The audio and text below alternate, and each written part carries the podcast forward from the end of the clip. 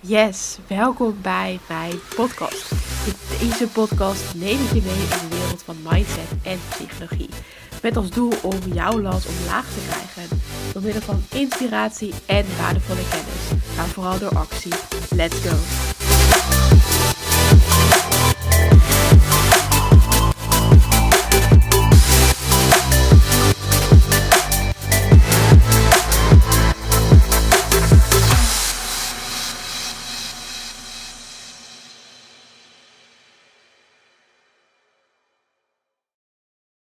Yes, tof dat je er weer bij bent vandaag. Ik heb weer een nieuwe podcast voor je klaarstaan. Maar voordat we daar zo mee verder gaan, wil ik je nog even meenemen ook in mijn weekend. Ik had echt een heel fijn weekend de afgelopen paar dagen. En wat vooral de boventoon voerde was voelen. Ik heb in mijn vorige podcast al het een en ander verteld over wat er intern met mij uh, bezig is. Ik kon even niet het juiste woord vinden. En dat er vanuit die interne wereld ook heel veel dingen in mijn externe wereld aan het veranderen zijn. En ik wilde dat heel graag laten vastleggen. Niet alleen voor mezelf, maar ook voor natuurlijk het bedrijf. Dus ik had iemand gevraagd om mee te shooten. En ik vind het echt super tof. En wat ook wel direct uh, verband houdt met het onderwerp van deze podcast. Want vroeger vond ik dit namelijk verschrikkelijk. Ik vond het verschrikkelijk om op foto's te staan. Ik vond het super ongemakkelijk. En ik had echt zoiets van, weet je, je mag prima foto's maken, maar zolang ik je niet zie, zolang ik het niet door heb, weet je, dan is het prima. Maar daar was ik echt van overtuigd. Totdat ik meer fotoshoots ook ging doen en dacht van ja, hoe tof is het dat ik mezelf op deze manier kan vastleggen. En dat ik ook in mezelf kan zien waar ik op dat moment zit in het proces. Ik vind namelijk dat je altijd in de ogen van iemand heel goed kan zien hoe het met iemand gaat. En dat de ogen ook heel veel kunnen verraden over het proces waarin iemand zit. Dus toen ik in mijn eetstoornisperiode zat, waren mijn ogen heel erg gesloten, heel erg leeg ook. En als ik nu naar mezelf kijk, dan zie ik zoveel gevoel, zoveel emotie, maar ook zoveel blijdschap en tevredenheid. Dus het hele weekend stond in het teken van voelen dus ook heel erg voelen in een shoot van, ja, wat wil ik overdragen op de foto's? Hoe wil ik mijn emoties ook overbrengen en hoe ga ik er ook staan? En daarnaast uiteraard nog heerlijk getraind en ook nog uh, lekker samen geweest met de mensen die voor mij belangrijk zijn. Dus ik was ook weer helemaal opgeladen om deze week weer te knallen afgelopen week had ik in mijn story een verhaal geplaatst over ontspannen. En daarbij ook de overtuigingen erbij. Want we zijn overal ergens van overtuigd. En ik ben ook heel benieuwd waar jij allemaal van overtuigd bent. En dat is ook super interessant om eens bij jezelf na te gaan. Want hoe denk jij bijvoorbeeld over sporten, geld, sociale relaties, ontspanning, werk enzovoort? Ben jij er bijvoorbeeld van overtuigd dat werk altijd van 9 tot 5 is? Of juist helemaal niet? Of denk je dat je altijd voedzaam moet eten en calorieën moet tellen? En ben je er heilig van overtuigd dat persoonlijke ontwikkeling moeilijk en zwaar is en ga je daarom de uitdaging niet aan? Of zie je juist kansen en vind je het leven een groot spel? En als we even een stukje dieper gaan op overtuigingen, dan bepaalt jouw overtuiging hoe je ergens over denkt. En dat is zo gekomen door je opvoeding, door vrienden, werk, studie en andere relevante gebeurtenissen.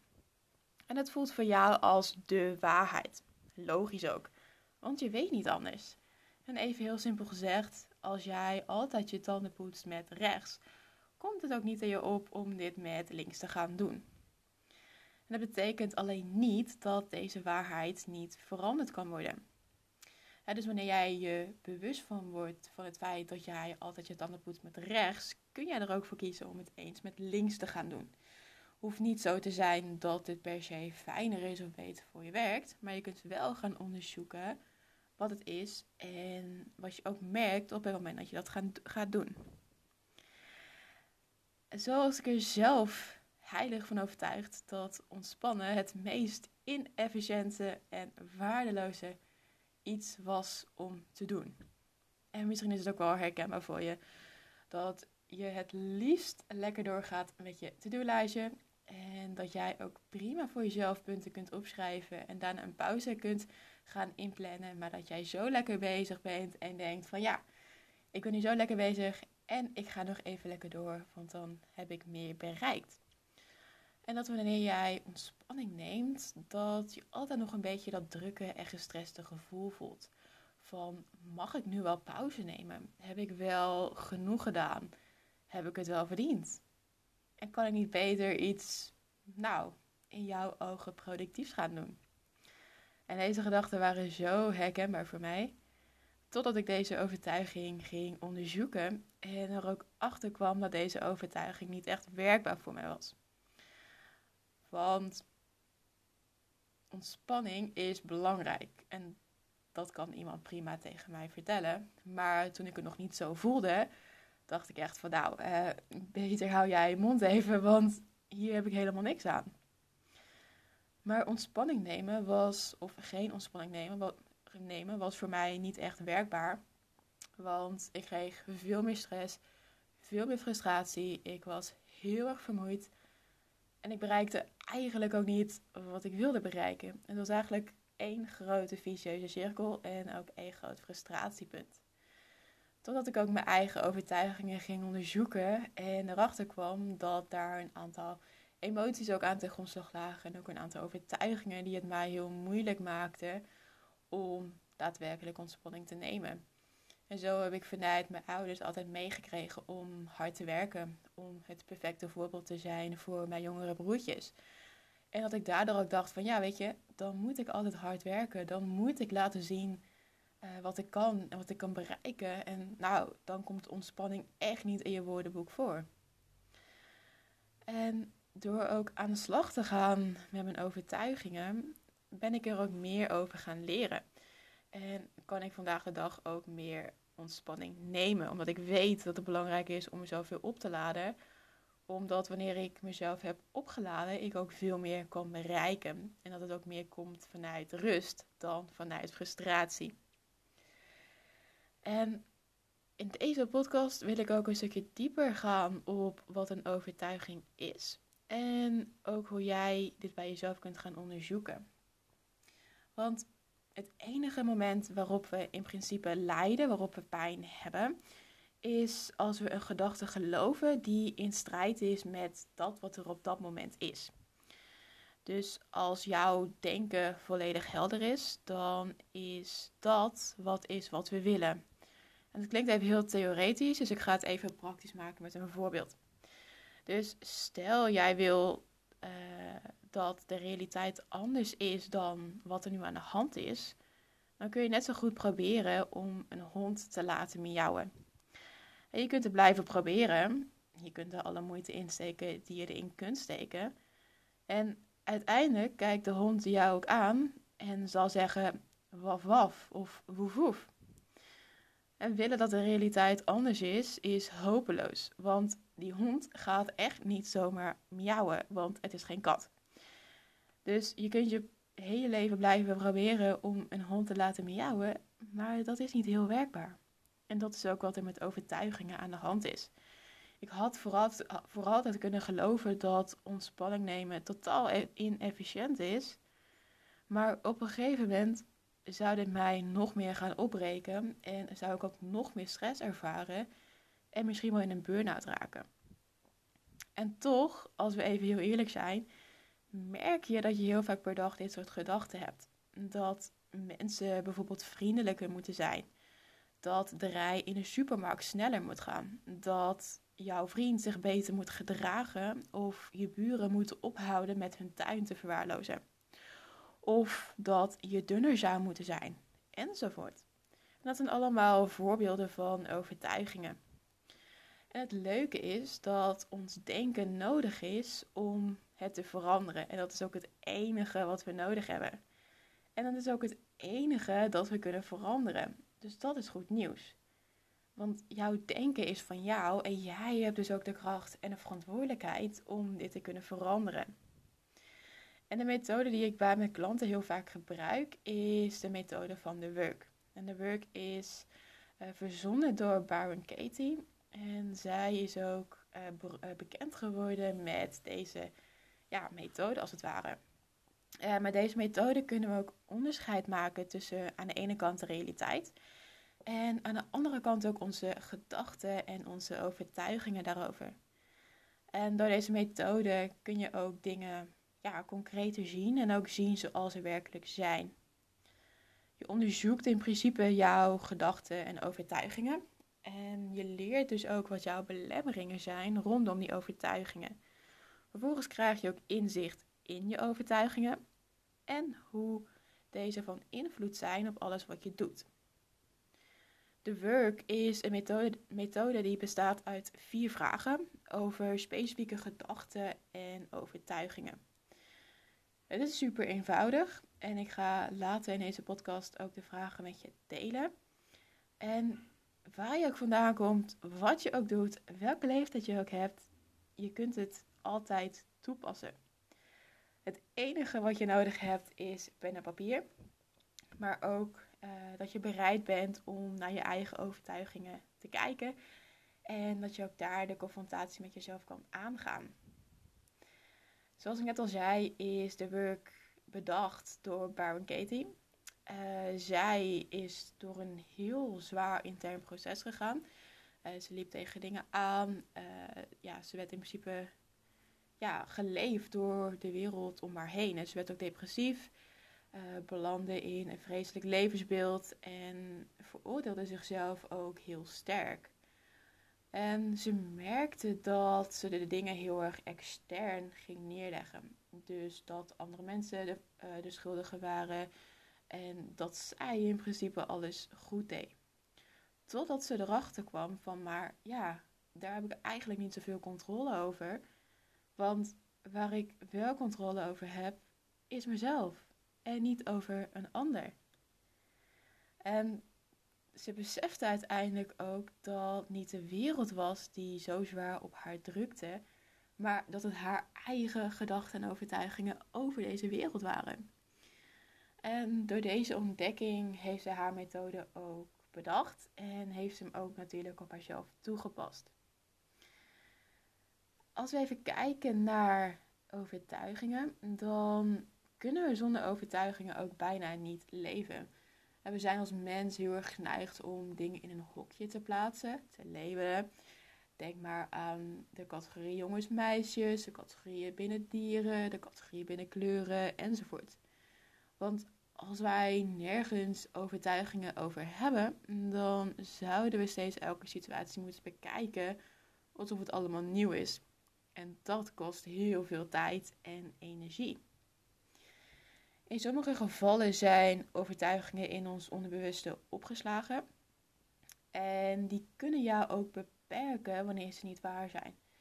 Dus stel jij hebt de overtuiging dat jij eerst dingen moet bereiken voordat je het waard bent, dan kan het jou heel erg belemmeren.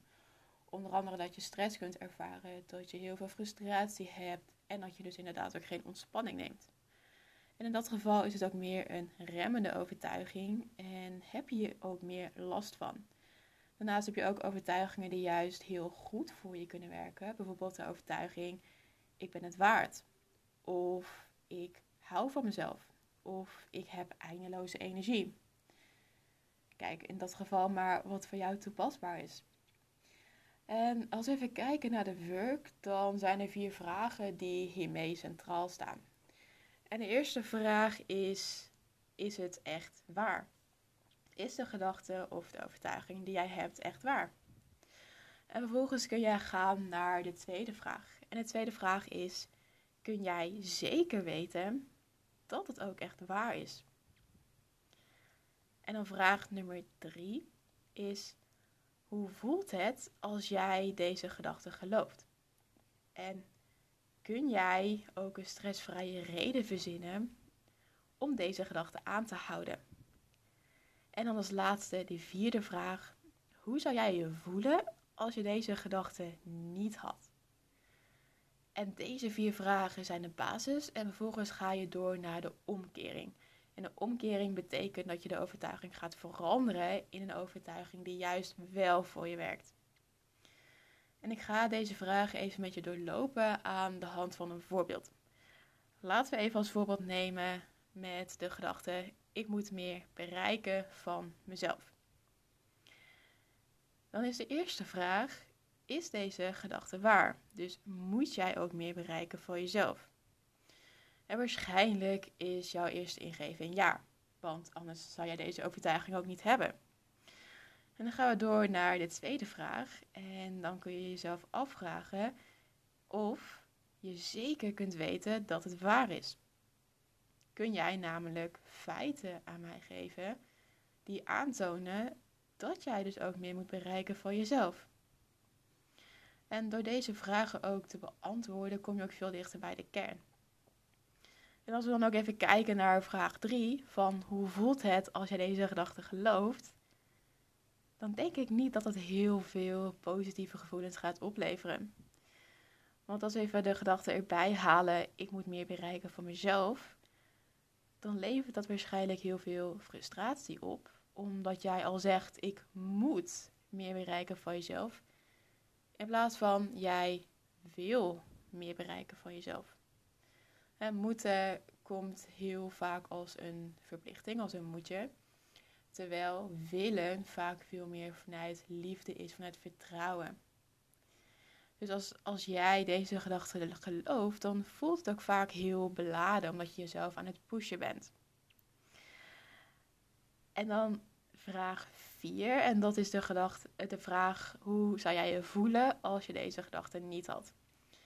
Stel jij hebt echt hele vervelende ervaringen met deze overtuiging, dan zou het denk ik heel bevrijdend werken op het moment dat je deze gedachte niet hebt dat het meer rust kan geven, meer vertrouwen, uh, meer zelfvertrouwen, meer zekerheid enzovoort. En dit kun je volledig gaan uitdiepen en schrijf ook echt alles op wat er in jou opkomt, zodat je uiteindelijk ook de overtuiging kunt gaan veranderen naar iets wat wel voor je werkt. Dus we hadden de gedachte: ik moet meer bereiken van mezelf op welke manier zou je deze kunnen omdraaien, zodat het juist voor je gaat werken in plaats van tegen je?